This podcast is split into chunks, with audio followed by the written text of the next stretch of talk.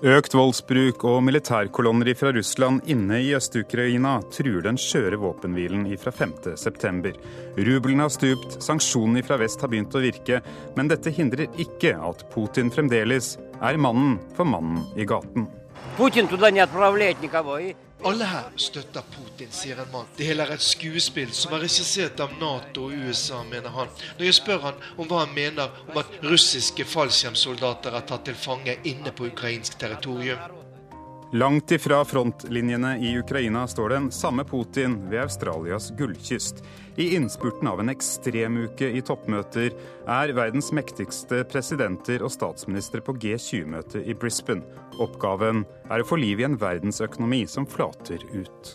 We have a plan before the leaders of the world to grow the world economy, to create the jobs that are necessary to lift people out of poverty. Men kan uro omkring sikkerheten i verden, ebola og klima spore av samtalene som egentlig skal handle om penger og arbeidsplasser? Can you smell that? Ah, I know that smell. I smell a woman. Come, let's go and find her. Knows. Og i Kenya er en kvinnejeger løs. God morgen, du lytter til Urix på lørdag, som også denne lørdagen gir deg reportasjer og bakgrunn på noe av det viktige som skjer i verden. I studio, Philip Lote. I går ble en fem år gammel jente drept da en rakett traff hennes landsby nær Luhansk ved frontlinjen øst i Ukraina. Folk på begge sider av konflikten har lagt bak seg en uke med økt spenning, fortsatte kamper og mange døde. Og i går sa president Porosjenko at Ukraina er sterkt nok til å slå tilbake en offensiv hvis våpenhvileavtalen fra 5.9 skulle falle helt ifra hverandre. Samtidig viser alle meningsmålinger at det store flertallet av Russlands befolkning fremdeles gir sterk støtte til president Vladimir Putins politikk i Ukraina. Hans popularitet har ligget stabilt på rundt 80% etter annekteringen av Krim i vår. Korrespondent Morten Jentoft rapporterer ifra gaten i Moskva. Det er en mild høstdag foran Aktsjapskaja metrostasjon i sentrum av den russiske hovedstaden Moskva. Som vanlig er det en jevn strøm av mennesker her ved et av knutepunktene for trafikken i tolvmillionersbyen. En lystavle viser at kursen for valutaen rubel har styrket seg noe det siste døgnet i forhold til dollar og euro, etter at den for en uke siden var nesten i fritt fall, etter at den russiske sentralbanken sa at den ikke lenger, i like stor grad som før, ville støtte den for å hindre et kursfall. Men hva tenker folk her om den spente situasjonen i og rundt Ukraina, som mange mener er i ferd med å føre Europa mot en ny kald krig? Det er ingen separatister i Ukraina, bare folk som slåss for sine egne interesser, sier en kvinne som nettopp har kjøpt noen blader som ligner på russiske utgaver av Se og Hør. Kvinnen stoler fullt og helt på at ledelsen i Russland tar de riktige avgjørelsene i forhold til det som skjer i Ukraina. Jeg spør henne om hun mener det som nå skjer, er alvorlig, og det mener hun det er, før hun haster videre oppover det veldige Lenin-prospektet, en av hovedgatene som leder sørvestover fra sentrum i den russiske hovedstaden. Putin туда не отправляет никого, и весь народ поддерживает политику Путина во всем мире. Путин старается для этого. Alle her støtter Putin, sier en mann som ser ut som om han har startet feiringen av helgen allerede på et tidlig tidspunkt. Han langer like godt også ut mot Norge og den norske kongen, som han mener er skyld i elendigheten i Ukraina. Det hele er et skuespill som er regissert av Nato og USA, mener han. Når jeg spør han om hva han mener om at russiske fallskjermsoldater er tatt til fange inne på ukrainsk territorium. En undersøkelse som det anerkjente Levada-senteret offentliggjorde denne uken, viser også at et flertall av russerne faktisk ikke har hørt om at russiske soldater er tatt til fange og også har mistet livet inne i Ukraina. Bare 14 av de spurte sier at de trodde soldatene var sendt ut på oppdrag av sine overordnede offiserer. Jeg vet ikke hva som skjer nå, for jeg tror ikke men en annen mann sier at han ikke lenger tror på noe av den informasjonen han får om det som skjer i Ukraina. Det gjør at han også svarer unnvikende på mitt spørsmål om han støtter president Putins linje overfor Ukraina. Det eneste som han er sikker på, er at det beste hadde vært om det nå endelig ble fred øst i Ukraina. Jeg går ned i undergangen under Lenin-prospektet. Der er det flere mindre kiosker som bl.a. selger klær. Tre kvinner står og ler mens den ene prøver en krølltang, kanskje for å gjøre seg litt pen for en liten fest i helgen. Men stemningen blir med en gang mer spent og aggressiv når jeg spør dem om hva de mener om det som skjer i Ukraina. Det er forferdelig det som skjer, sier den ene av kvinnene, mens hun gliser med gulltennene. Hvem er skyldig i det som skjer, spør jeg. Det er Julia Timosjenko og den sittende presidenten Petro Porosjenko, sier hun, og avviser totalt at Russland og president Vladimir Putin har noe som helst skyld i at mer enn 4000 mennesker er drept. Putin har ikke sendt russiske soldater til Ukraina, slår kvinnen fast, og lar seg heller ikke overbevise når jeg spør om hun har sett bildene av tilfangetagende russiske soldater. Jeg tror ikke på disse bildene, sier hun og er nok med dette representativ for det store flertallet av russere som stoler på det de ser på russiske TV-kanaler, som daglig hamrer løs mot ukrainske myndigheter og det de kaller deres folkemord mot uskyldige sivile øst i Ukraina. Og Morten Jentoft, eh, hvordan er situasjonen nå ved frontlinjen i Ukraina? Ja, Ifølge ukrainske myndigheter som nettopp nå i formiddag har gått ut med en oversikt, så ble altså ni personer drept bare i løpet av det siste døgnet. Det har vært 62 forskjellige skyteepisoder. Sånn at eh, situasjonen langs den nesten 500 km lange frontlinjen mellom regjeringsstyrkene og separatistene, den er fortsatt eh, veldig, veldig spent. Og det er ingenting der som tyder på at spenningen er i ferd med å avta. Hvor langt unna er vi en eller annen form for løsning på denne konflikten? Det kan bli noen interessante dager i begynnelsen av neste uke. Eh, da skal jo EUs, EUs utenriksminister eh, diskutere eventuelt nye sanksjoner mot eh, Russland og separatistene øst i Ukraina. Det vel først og fremst snakk om å innføre eh, sanksjoner mot enkeltpersoner her. Men kanskje vel så interessant er det at den tyske utenriksministeren Frank-Walter Steinmeier eh, skal komme hit til Moskva. Eh, det har jo ikke vært mange besøk av eh, ledere fra Vest-Europa her den siste tiden. Og mange er spent på hva som kommer ut av Steinmeiers besøk. Han skal eh, etter planen først innom Kiev for å snakke med ukrainske ledere der, og så hit til Moskva. Eh, Tyskland spiller jo en nøkkelrolle hvis det skal være mulig å få til en løsning på denne fastlåste situasjonen både i Ukraina og mellom Russland og, eh, og Vesten. Takk for at du var med i Urix på lørdag, Morten Jentoft fra Moskva. Vi skal helt til den andre siden av kloden.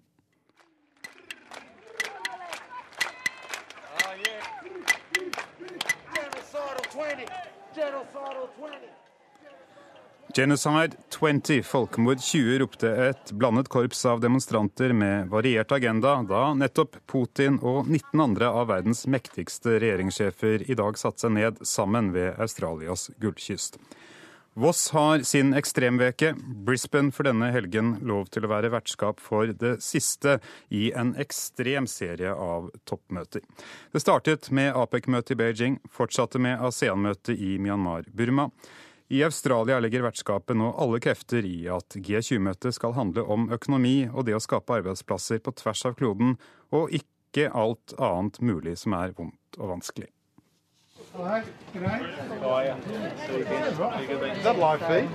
Australias finansminister Joe Hockey trer inn i politiets hovedkvarter i Brisbane. Det er ennå noen timer igjen til topplederne ankommer byen på Australias østkyst for G20-møte. Sikkerhetsopplegget har imidlertid vært klart lenge. Det er det største i Australia noensinne. Australia is ready to host the most powerful delegation in the world. Over to dager skal Joe Hockey være vert for Barack Obama, Vladimir Putin og Kinas Xi Jinping, bare for å nevne noen. De kommer hit til Australia etter en uke tettpakket med internasjonale toppmøter. Joe Hockey mener likevel dette blir det aller viktigste. The leaders that are coming here represent 85% of the world economy. And as such, there is a heavy burden on the shoulders of leaders and finance ministers to deliver on the plan to grow economic growth right across the world. Uken med internasjonale toppmøter startet i Beijing på mandag, og det med et helt spesielt øyeblikk. Håndtrykket mellom Kina og Japans to ledere ble foreviget i et blitsregn. De to møttes for første gang etter flere år med krangling. Xi Jinping og jeg klarte å få til et møte på toppnivå. Det er et stort fremskritt, sa Japans statsminister Shinzo Abe. Toppmøtet i samarbeidsorganisasjonen for Asia og Stillehavsregionen fortsatte med hektisk diplomati. Onsdag kunne Barack Obama og Kinas president kunngjøre at de var blitt enige om historiske klimakutt. Today I am proud that we can announce a historic agreement. I commend President Xi, his team, and the Chinese government for the commitment they are making to slow, peak, and then reverse the course of China's carbon emissions. Etter et festfyrverkeri, nærmest et OL verdig, forlot lederne Beijing og satte kursen for et nytt land og et nytt toppmøte. Sammenslutningen av sørasiatiske stater møttes i går i Myanmar. Vertslandets utvikling ble et tema for USAs president, som også deltok på møtet. For many, progress has not come fast enough or spread far enough. Uh, people need to feel safe in their homes uh, and not be subject to arbitrary uh, harassment by authorities. Etter en svært hektisk uke er topplederne nå altså samlet i Brisbane, der også flere andre regjeringssjefer har sluttet seg til. I to dager er det ventet at G20-lederne skal diskutere alt fra Syria og Ukraina til kampen mot IS og ebola. Joe Hockey og Australia har likevel jobbet hardt for å holde fokus på økonomien. We have a plan before the leaders of the world to grow the world economy, to create the jobs that are necessary to lift people out of poverty. And we are determined to deliver that over the course of. Reporter her var Petter Auli Hauge. Og vi har fått sammen et lite ekspertpanel her i Urix på lørdag for å snakke litt om betydningen av denne type toppmøter. Med oss har vi Morten Wetland, tidligere norsk FN-ambassadør, nå partner i rådgivningsselskapet First House. Vi har med oss uh, Tina Saltvedt, som er oljeanalytiker i Nordea, og Kjersti Haugland, som er seniorøkonom i DNB, Den norske bank. Og Morten Wetland, hvor viktig er eh, G20-møter, og hvor alle disse eh, verdenslederne kommer? Det vil være litt eh, situasjonsavhengig. Jeg tror kanskje et av de viktigste G20-toppmøtene vi har bak oss, var det i London i april 2009. Det kom da rett i kjølvannet av finanskrisen. Eh, som eskalerte fra september 2008 og utover. Og ga da svar og retning som ble altså retningsgivende både for deltakerne der, men også for en lang rekke andre land som ikke selv møter i G20. Så har vi sikkert hatt en del G20-toppmøter som ikke har vært så stor betydning for uh, verdensøkonomien. Ja, fordi at uh, Joe Hockey, uh, som vi hørte her, han sa jo selv at det har vært et problem for G20-møtene at de har sporet av, handlet om for mye. Og Kjersti Haugland, i hvilken grad ser dere økonomer på disse møtene som premissgivende for hvordan verdensøkonomien kommer til å utvikle seg? Ja, Møtene er det nok eh, grunn til å være relativt dempa i forventningene til, eh, som ble sagt der. Eh, på den andre sida, politikerne er ekstremt viktige for å få fart på verdensøkonomien framover. Det gjelder ikke minst for Europa, eller eurosonen, EU, som har de største problemene med å få fart på veksten. Og det er i første rekke politikerne tiltak for å få bedre eh, funksjonsevne i økonomien. For å få arbeidsledigheten ned fra skyhøye nivåer, ikke minst ungdomsledigheten. Som kan få økonomiene opp og gå igjen. Og Tina Saltvedt, du er med oss fra Tønsberg, kanskje Norges uh, gullkyst. Under det forrige G20-møtet som var i St. Petersburg, så var prisen på olje 116 dollar uh, fatet. Hva er den på nå? Ja, Nå ligger den på 79 dollar fatet, så den har jo falt med nesten 30 eh, siden den gangen. En veldig kraftig nedgang, som selvfølgelig har eh, også stor effekt på verdensøkonomien. Ja, Hva sier dette om tilstanden for verdensøkonomien? Ja, For øyeblikket så reflekterer det jo to ting. Det ene er jo nettopp at det er en svakere vekst i verdensøkonomien. Og når det er en svakere vekst, så har vi mindre behov for energi, og da faller også behovet for olje, så det er én årsak. Og den andre er jo nettopp at eh, det er veldig mye olje som produseres. Eh, det store OPEC-kartellet som styrer eh, i hvert fall 30% av oljemarkedet, klarer ikke å bli enig, og da ser vi at det har kommet en kraftig nedtur i, i oljeprisen i løpet av sommeren. Hm. Kjersti Haugland, eh, veksten i verden flater ut. Hvor ille er det egentlig? Ja, det er veldig delt, dette bildet. For i noen land så går det veldig bra for øyeblikket. USA f.eks., eh, verdens største økonomi, tross alt, eh, gjør det veldig godt og har veldig lyse framtidsutsikter, sånn som vi ser det. Det går heller ikke verst for eh, Storbritannia. Og vi ser òg relativt lyst på situasjonen i Kina, en, en, en, og en veldig stor og viktig økonomi i verden. Selv om det går litt saktere der? Ja, det mener vi er, er en gode grunner til at den gjør. Kina er i ferd med å bli en mer moden type økonomi. Vi burde vært mer bekymra hvis veksttakten der fortsatte på de svært høye nivåene eh, fra 2000-tallet. Eh, da burde vi vært redde for en hard landing eh, senere. Men som sagt, euroland, EU-land, eh, e er da i en særstilling på en negativ måte i denne sammenheng.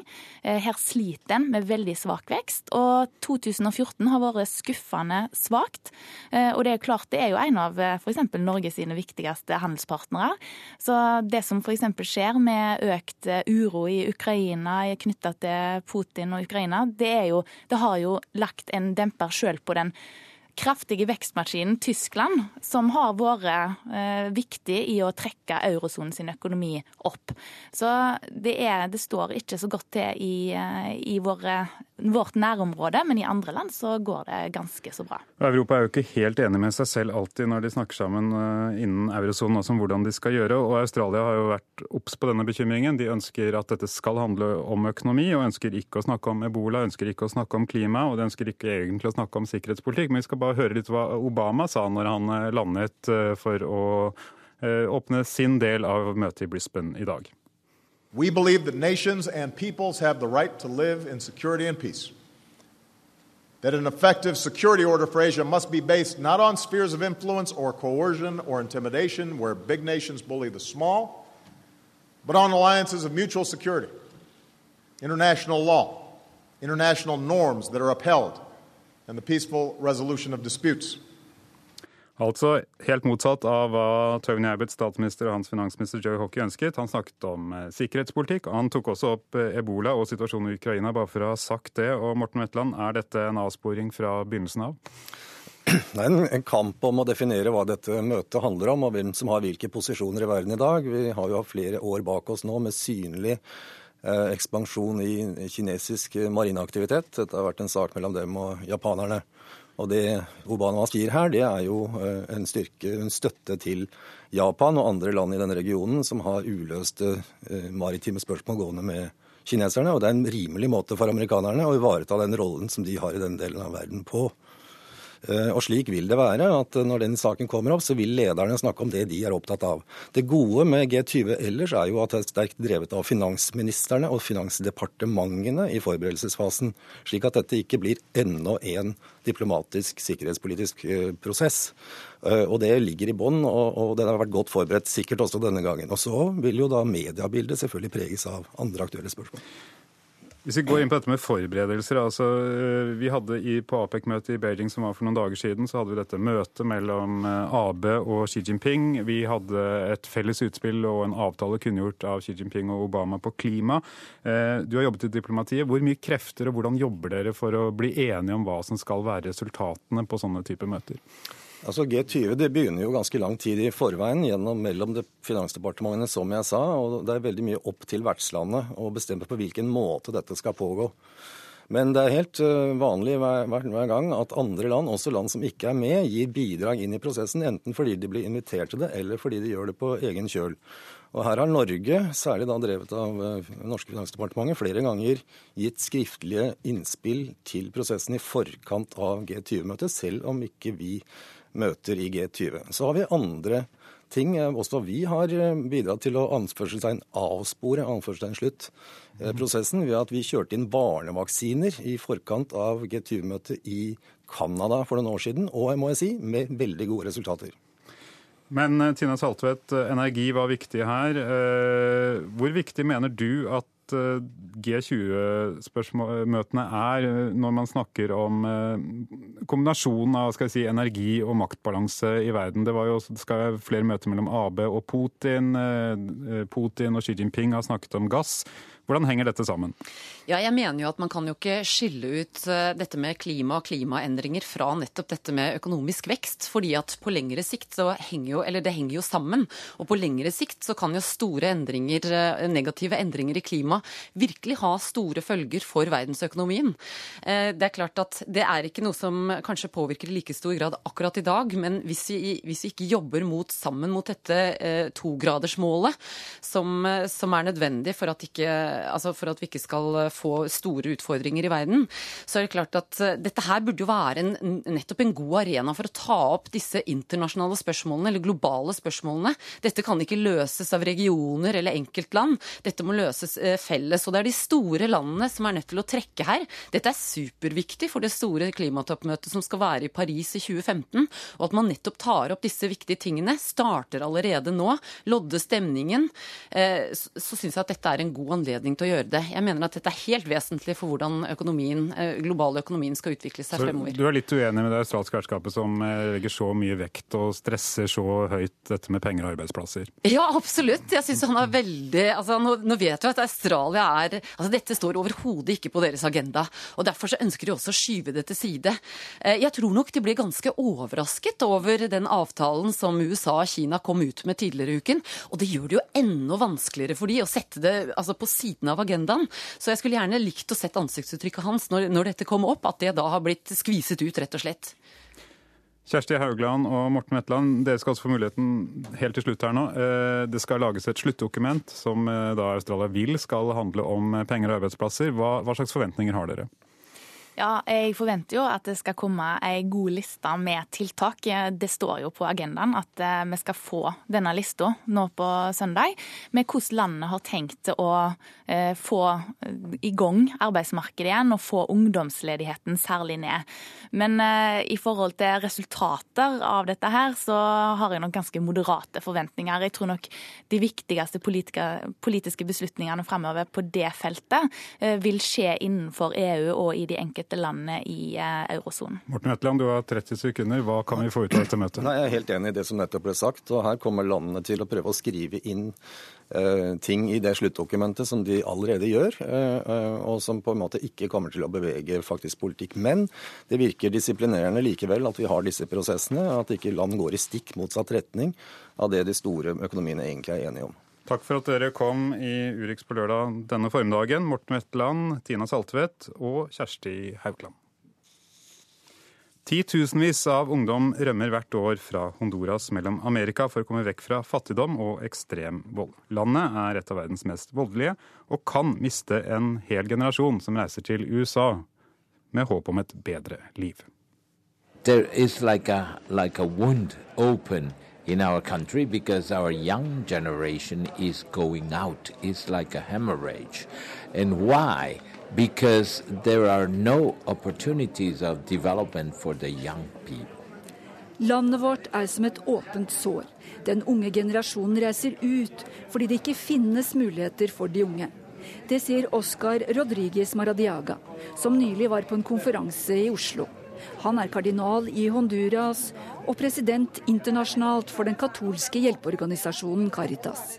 Han er fortvilet over at så mange rømmer landet for å komme vekk fra fattigdom og den brutale volden fra de ekstreme Maras-gjengene. Why? Because the 18th of every month they should kill 18th of the other gang. And this is one of the reasons of this kind of violence between the gangs. Tungt bevæpnet politi patruljerer gatene i et fattig nabolag i hovedstaden Tegucigalpa. Her var det en gang et hotell og mange butikker. Nå ser det ut som en krigssone, med forlatte og i stykker skutte hus. De som bodde her før, har flyktet fra volden.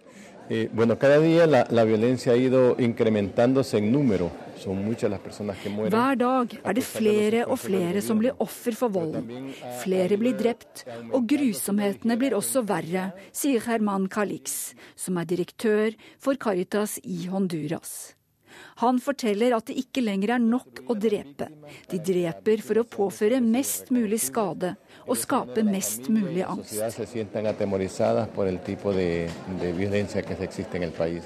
Gjengene slåss om kontrollen over narkotrafikken fra Sør-Amerika til USA, og kontroll over områder. Resultatet er at Honduras har en ubehagelig verdensrekord. De ligger på drapstoppen per innbygger, og Calix mener fattigdommen er roten til mye av volden. Honduras está catalogado como que el 65% de la población es eh, pobre. 65 av befolkningen i Honduras er fattige, og flesteparten av dem lever i ekstrem fattigdom, forteller Calix. De mangler helsetjenester og nok mat, og arbeidsledigheten er skyhøy. Dermed blir de lett ofre for å bli rekruttert til de voldelige Maras-gjengene, f.eks. For, for å selge narkotika eller som leiemordere. De som nekter, lever farlig. En el último año Eh, han casi 600 niños aparte en, en manos de las maras. ¿no? Det siste året har nesten 600 barn blitt drept av gjengene, eller folk som er involvert i narkohandel eller andre kriminelle aktiviteter, forteller Calix. Barn helt ned i femårsalderen har blitt drept. Kropper har blitt delt i flere biter, som en advarsel til andre, fordi de nektet å selge narkotika. Caritas har flere prosjekter for å prøve å stoppe voldsspiralen og hindre flukten ut av landet. De støtter også en fredsavtale som ble forhandlet fram mellom gjengene, forteller kardinal Maradiaga. Of course, because war is never a solution. But is it possible to negotiate peace with gangs that are killing uh, minors every day because they don't want to sell drugs? Well, you know, it's quite difficult, but it's not impossible. Because even the toughest person can change if you give them new purposes in life, when you give them education they never had Many of them come from the streets. They never knew, for instance, a father. They just grow up among the gangs. They have no identity. The gang is the only source of identity for them. So when you your efforts go to re-educate these people, even you could get good results. Kardinal Maradiaga mener at det viktigste for å få bukt med volden, er å få flere jobber og utrydde fattigdommen.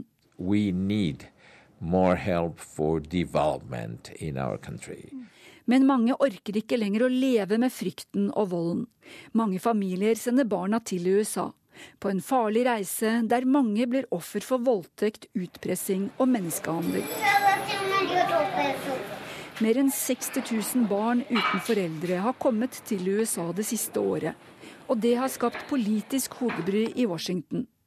Nylig var presidentene i Guatemala, El Salvador og Honduras i USA for å be om penger til utvikling. Hvis vi må gjøre alt selv, vil det ta mer tid. Men hvis vi kan gjøre det sammen, vil det gå raskere og bli bedre for oss alle, sa presidenten i Honduras, Juan Hernandez, til amerikanske myndigheter. De ber om 10 milliarder dollar, eller over 60 milliarder kroner over fem år, til utvikling for å begrense strømmen av folk som flykter til USA. Being a man of faith. Det er ikke lett å være optimist i et land som Honduras, men kardinal Maradiaga har tro og håp om at det skal være mulig å snu den negative utviklingen i landet. Not only optimism, because optimism could be a feeling that depends on your temperament, on your genetic code, but hope is a very different perspective, and I have hope. Utenriksmedarbeider Inger Marit Kolstadbråten hadde laget denne reportasjen. I morgen er det presidentvalg i Romania, og landet er delt mellom øst og vest. Foran valget har det også haglet med beskyldninger om skitne triks, og etter en TV-sendt debatt ble sosialdemokratenes kandidat beskyldt for å bruke metoder fra Netflix-serien House of Cards. Well, you know what I would like? What? An apology. If not to me, then to my wife. I en episode av House of Cards sporer TV-debatten av når Frank Underwood forlanger ei årsaking til kona si. Scenen har blitt sett på som litt fjollete amerikansk TV-underholdning, helt til denne veka. Midt i debatten mellom de to presidentkandidatene drar venstresidas Victor Ponta fram ei avis. Ponta krever at motkandidaten ber kona hans om årsaking. Videoen har blitt delt på Facebook av tusenvis av rumenere som bor og arbeider i utlandet. Det er første gang diasporaen har engasjert seg så intenst i et valg. Årsaka er at det trolig var de som avgjorde førre presidentvalg. Da vant Trajan Basescu med bare 70 000 stemmer. Nå kan ikke Basescu stille flere ganger, og støtter den etnisk tyske borgermeisteren Klaus Johannis fra den transilvanske byen Sibio. På meningsmålingene er det jevnt. Ponta har flertall i øst, medan Johannis har flertall i vest. Johannis er favoritten til ungdommen, medan Ponta har solid støtte blant de eldre. Og blir det like jevnt som forrige gang, så kan diasporaen avgjøre det hele, om de får lov til å avlegge stemme, da. For det bor snart fire millioner rumenere i utlandet. I første runde av presidentvalget gikk de mann av huset. Ambassadene var ikke forberedt, de hadde ikke nok valurner, ikke nok stemmesedler. Velgerne raste da ambassadene i Paris og London stengte foran nesen på dem. I Vest-Romania og i Transilvania marsjerte flere hundre tusen i solidaritet med de som ikke fikk avlegge stemme. De hevda sosialdemokratene hadde gjort dette med vilje, for de vet at diasporaen ikke vil stemme på Viktor Ponta. Frați români, nu vă lăsați păcăliți de propaganda socialistă. Nu vă lăsați păcăliți de Ion Iliescu, securitatea for hatet mot Ponta er stort. Han blir skylda for å være udugelig, en politisk broiler. Men kanskje det verste av alt er at han representerer fortida. Restene av det korrupte og autoritære kommunistregimet. Diktatorer forkledde som sosialdemokrater.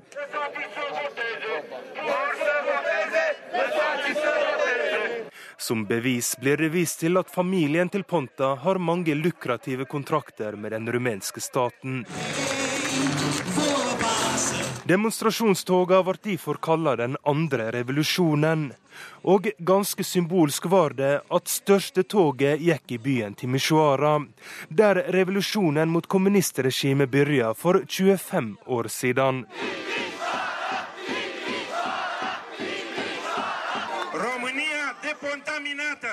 Men kommentator Christian Popescu mener det er første gang rumenerne kjemper for noe abstrakt. Nu pentru scăderea TVA-ului la pâine, nu pentru lei pentru zahăr sau pentru salarii mai mari. Nu, pentru o idee.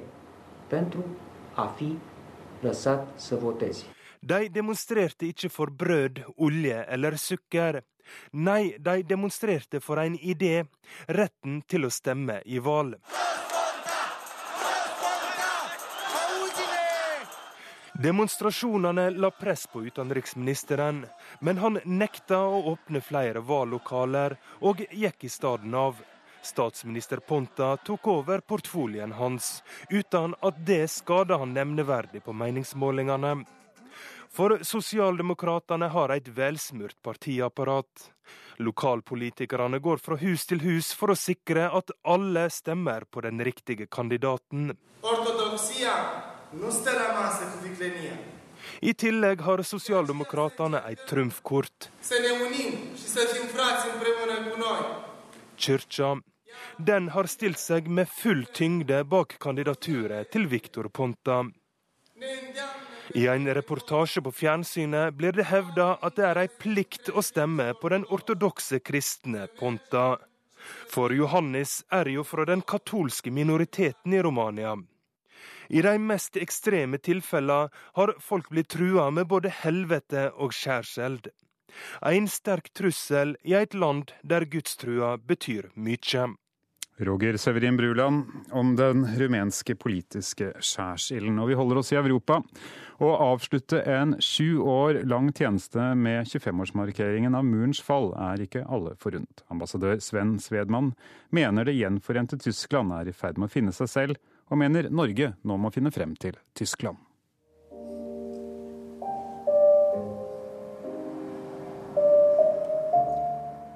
Det er avskjedens kveld i Norges ambassade her i Berlin, og ambassadørens siste opptreden blir markert med en visning fra et av hans yndlingsprogrammer på tysk TV, krimserien Tatort. Ja. Hva willst du? Herr Patke? Og det er ikke bare Norges ambassadør som tar farvel. Tatort-episoden som vises denne kvelden, er også den siste for Boris Aljinovic, som gjennom 13 år har spilt hovedpersonen, kommissær Felix Stark. Jeg var en par Mal sehr gerührt. Um noen ganger under innspillingen var jeg svært beveget. Det må jeg medgi. Når man har spilt en rolle i 13 år, blir den en viktig del av livet, og jeg ser ikke bort fra at jeg vil savne den. Men nå venter nye oppgaver, sier Boris Salinovic, alias Felix Stark, i TV-serien Tatort. Og for ambassadør Sven Svedmann er det stor stas å tilbringe avskjedskvelden sammen med den legendariske Tatort-kommissæren. Det har vært en fantastisk opplevelse fordi jeg har levd med kommissær Sterk i syv år. Tator er en institusjon i Tyskland, sendes hver søndag kveld. Han slutter, og jeg fratrer. Og jeg slutter, så jeg føler at jeg har noe til felles med kommissær Stark. Noe annet har jeg til felles med han òg. Vi jobber med mennesker. Han jobber ofte med flere døde enn jeg gjør. Men eh, vi stiller flere spørsmål enn vi får svar. Eh, og jobben blir en del av livet, tror jeg. Både for en kriminalkommissar og en ambassadør. Det er ikke så lett å skille mellom dem.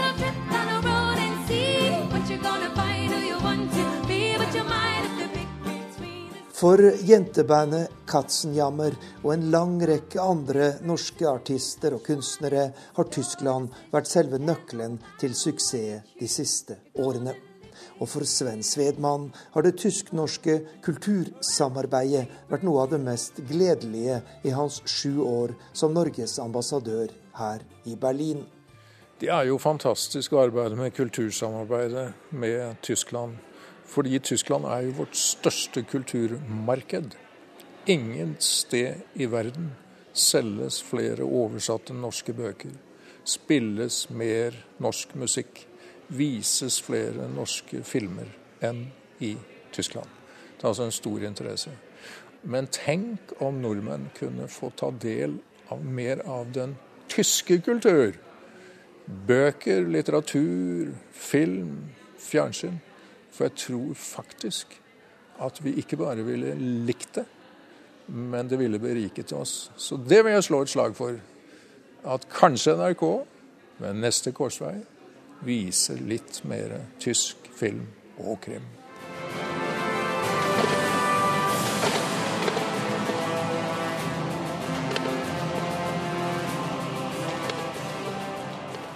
En praktfull forestilling ved Brandenburger Tor sist søndag avsluttet feiringen av 25-årsdagen for Berlinmurens fall. For Norges Berlin-ambassadør var det å kunne delta i denne feiringen en perfekt avslutning på en lang tjenestetid i den tyske hovedstaden. Og det som kanskje gleder ham mest, er at det har gått så bra med det nye og samlede Tyskland. Det er klart at uh, tyskerne har hatt og har ambivalent, uh, et ambivalent syn på sin egen rolle. Fordi samme hvordan man ser på det, vil alltid skyggen fra historien hvile over dette landet. Men det som er fantastisk nå, er jo at Tyskland går ut av sin skygge til applaus fra en hel verden. Tysk lederrolle i Europa er jo en villet lederrolle mer hos andre enn hos tyskerne selv. Eh, vi husker jo de fleste av oss eh, Polens daværende utenriksminister Sikorski som sa at jeg frykter et passivt Tyskland mer enn et aktivt. Den polske utenriksminister. Eh, så det vi har sett nå, er jo et Europa hvor dessverre noen igjen forsøker å etablere murer rundt Ukraina.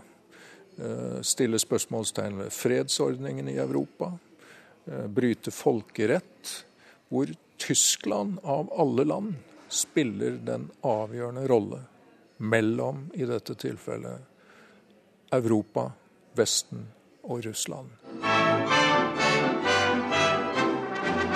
Berlin bleibt Berlin er et viktig stikkord for nordmenns forhold til Tyskland, mener Sven Svedmann. Den tyske hovedstadens popularitet som reisemål har fjernet mye av nordmenns skepsis til det tyske, og godt er det, for Tysklands betydning for Norge er rett og slett enorm, sier den avtroppende Berlin-ambassadøren. Jeg har i alle år pleid å si eh, som diplomat at eh, for Norge er alle store land viktige, men det er ikke alltid omvendt. For Tyskland er Norge viktig, og det er en samhandling på alle områder. Fra utenrikspolitikk til økonomi, energipolitikk selvsagt, kultur, men også på det menneskelige, menneskelige plan. Og at vi har i disse syv årene jeg har vært her, har jo Tyskland gått fra å være en viktig økonomisk faktor, en viktig økonomisk eh, makt i Europa, til stadig å ta på seg et større uh, utenrikspolitisk og nå også sikkerhetspolitisk ansvar.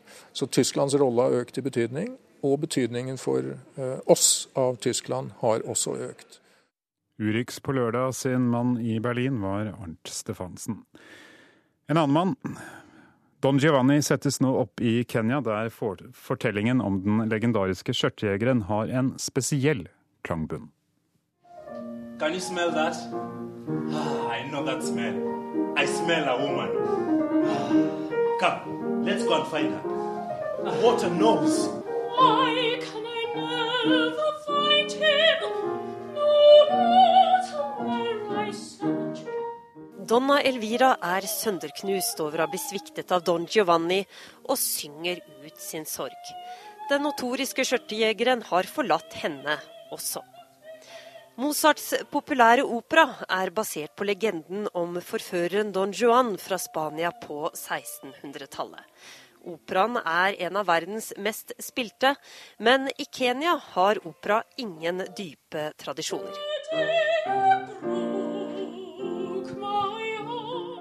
På Mutaiga Country Club i Nairobi er scenen enkel.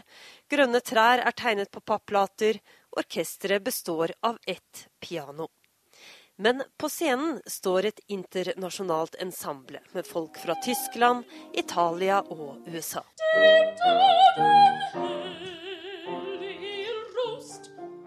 Vi møter Leporello, tjeneren til Don Giovanni bak scenen, spilt av den kenyanske popartisten Philip Filla Tuchu.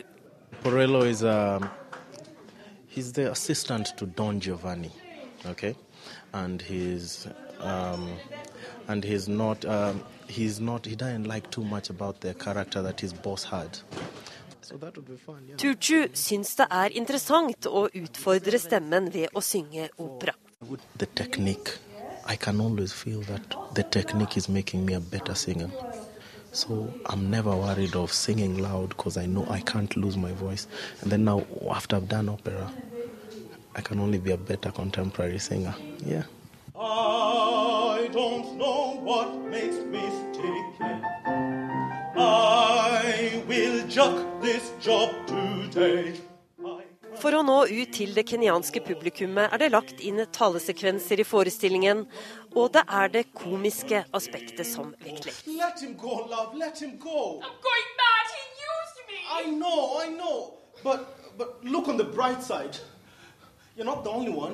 I know. But, but look on the bright side. You're not the only one. Manuset er også endret. We edit the text a bit to suit the Kenyan audience. Like when I'm doing my Madomina aria, I'm not talking about the places that would have been done when it was written in Italian. I'm talking about Nairobi. I'm talking about in Nairobi, he's had this number of women. In Nakuru, he's had this number of women. So you see, it really connects with the Kenyan audience and makes it very funny. 90 Machakos, 400 in Mombasa. But in Nairobi, This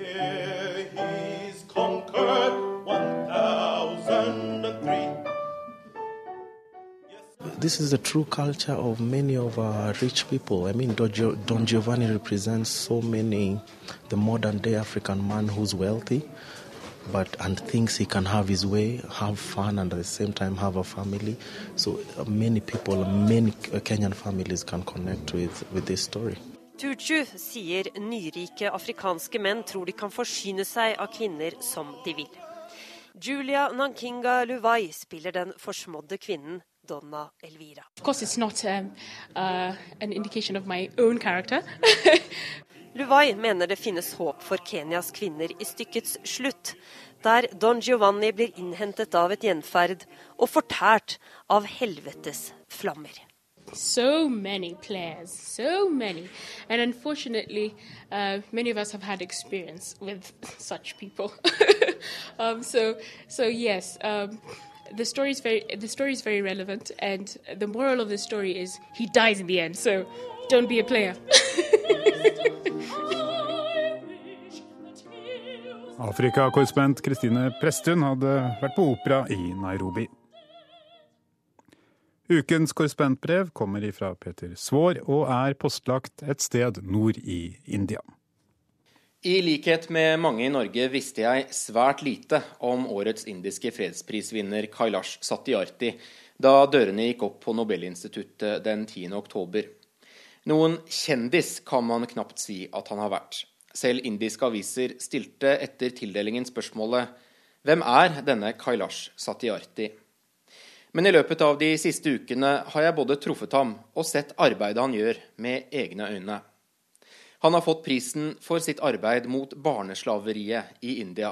Det er en tildeling for barns rettigheter og rett til utdanning, og en pris som har gått til en aktivist som i 30 år har reddet småbarn ut av gruver og fabrikker og gitt dem en utdanning og muligheten til et verdig liv.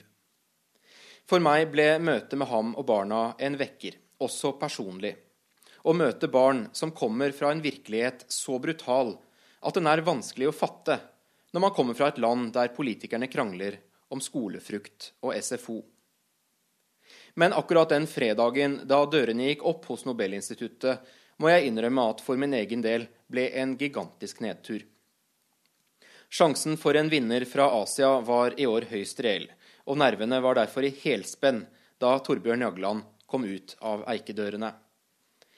Malala, sa Jagland, og deretter Kailash Satyarti. Mobiltelefoner begynte å ringe her i Beijing. Vi hadde ikke bare fått én asiatisk fredsprisvinner i fanget, men to. Og den første telefonsamtalen med sjefene på Marienlyst handlet derfor om hvor vi skulle reise først. Og det er her ordtaket 'opp som en løve, ned som en skinnfell' sjelden har føltes mer treffende. For ganske snart viste det seg jo at Malala hun var i den engelske byen Birmingham, hvor hun studerer. Så til Pakistan var det liten vits i å dra hvis ærende var å treffe en prisvinner. Det måtte bli India. Kailash Satyarthi, som ingen hadde hørt særlig mye om, han ville NRK-sjefene hjemme gjerne at jeg skulle skaffe et intervju med. Klam i hendene fant jeg nummeret til Indias ambassade her i Beijing. Det hadde bare gått et par minutter siden tildelingen. Med andpusten stemme forklarte jeg at jeg var norsk journalist som ville besøke en fersk indisk fredsprisvinner, og at dette hastet. Det gjaldt et pressevisum. Jeg spurte om det kanskje var mulig å komme ned med papirene på ambassaden nå, selv om det var sent på fredag ettermiddag allerede. Jeg kunne formelig høre hvordan den indiske diplomaten i den andre enden av telefonrøret lente seg tilbake i stolen. Yes, yes, sa han. Du kan levere papirene på mandag. Vanligvis går dette veldig fort. Journalistvisum tar kanskje fem til sju virkedager, men noen ganger også lenger. Aldri godt å si, understreket han mens jeg kjente hvordan hjertet sank ned i magen. Jeg ville ikke komme av flekken på flere uker. Min danske kollega på kontoret her i Beijing hadde det likedan, og der og da følte vi at vi var verdens mest overflødige Asia-korrespondenter. To timer etter kunngjøringen satt vi ikke på noe fly verken til India eller Pakistan, og vi forberedte ingen Nobelintervjuer.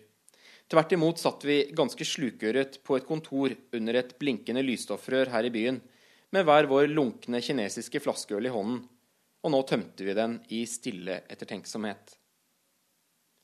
Da jeg nesten to uker senere sjekket inn på det eneste direkteflyet som går mellom millionbyene Beijing og New Delhi, hadde jeg gått gjennom den mest byråkratiske visumprosessen jeg noen gang har vært ute for. Jeg skal ikke kjede dere med altfor mange detaljer, men en av tingene som kreves til en slik søknad, er f.eks. helt spesielle kvadratiske passbilder som skal måle nøyaktig 51 ganger 51 millimeter. At det ikke er så lett verken å få tak i eller å produsere slike bilder, har jeg ikke inntrykk av at indiske myndigheter til nå har betraktet som noe stort problem.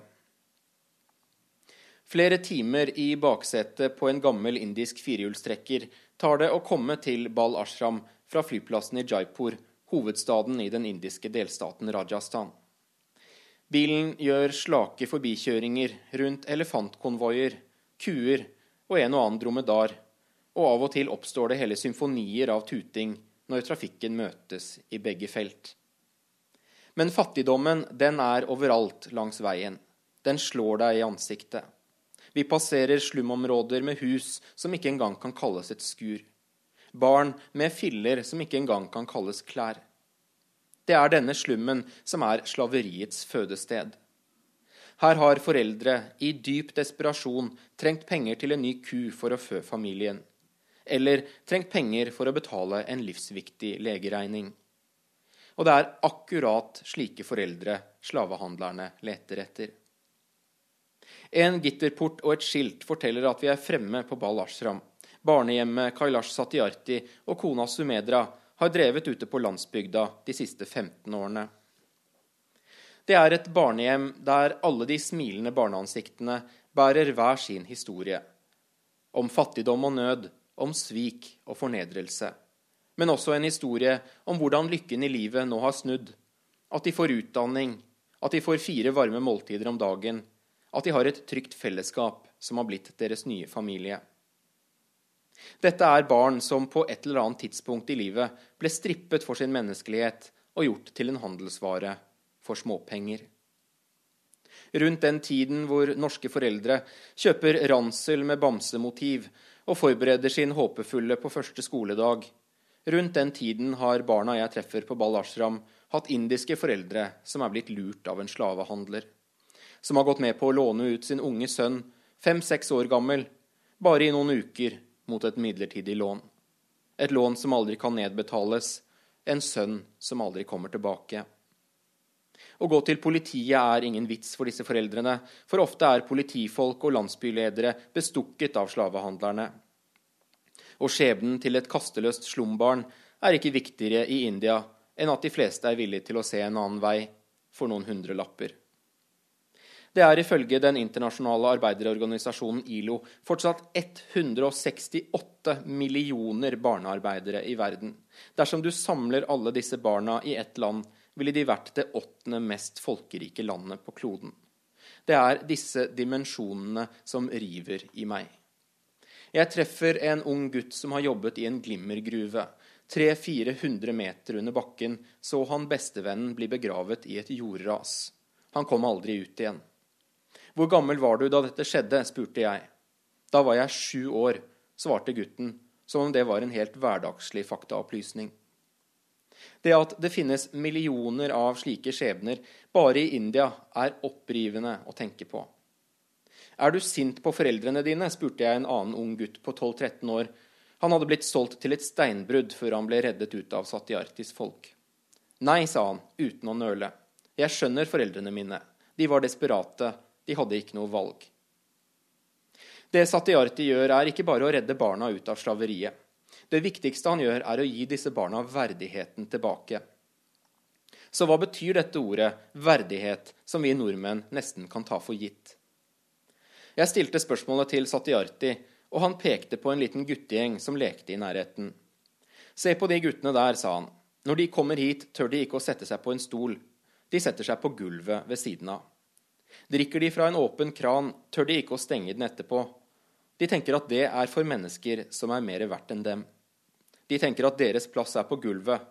De tenker at de kan bli slått om de drikker vann fra en kran, så noen ser det. Dette er barn som i sine korte liv aldri har fått føle at noen vil dem vel. Som er som purunge steinansikter de første timene og dagene etter at de har kommet hit, når vi viser dem kjærlighet og omtanke. Det å gjøre disse barna til mennesker igjen, det å få dem til å se seg selv som verdifulle, som individer som både kan skru igjen vannkranen, sette seg på en stol og se deg i øynene, det er å gi dem verdigheten tilbake. Tilfeldighetene vil ha det til at vi kommer til Bal Ashram på det som kan sammenlignes med den norske julekvelden. Lysfesten Diwali er en tid for god mat og for å samle venner og familie i India. Og etter å ha feiret kvelden med barna bes vi inn på Diwali-måltid i hagen til fredsprisvinneren sammen med flere av vennene hans fra barndommen. En advokat fra New Delhi som har kjent Satyarti hele livet, synes fredsprisen er stor stas før han nok en gang må ta Satyartis stadig ringende mobiltelefon, som han har fått ansvaret for å passe på. Det viser seg å være britenes tidligere statsminister Gordon Brown, og Satyarti reiser seg og går ut i hagen for å ta samtalen. Så hvordan har støtten egentlig vært fra indiske myndigheter gjennom årenes løp, spør jeg litt utpå kvelden mens jeg dypper glovarmt brød i indisk dal. Vel, sier Satyarti og setter opp et stort smil. Jeg er fortsatt i live og det er jo ingen liten støtte. Peter Svaar fra Asia fikk avslutte denne Urix på lørdag-sendingen. Teknisk ansvarlig var Hilde Tosterud. Skript Oda Holm Gulbrandsen. I studio Philip Lote.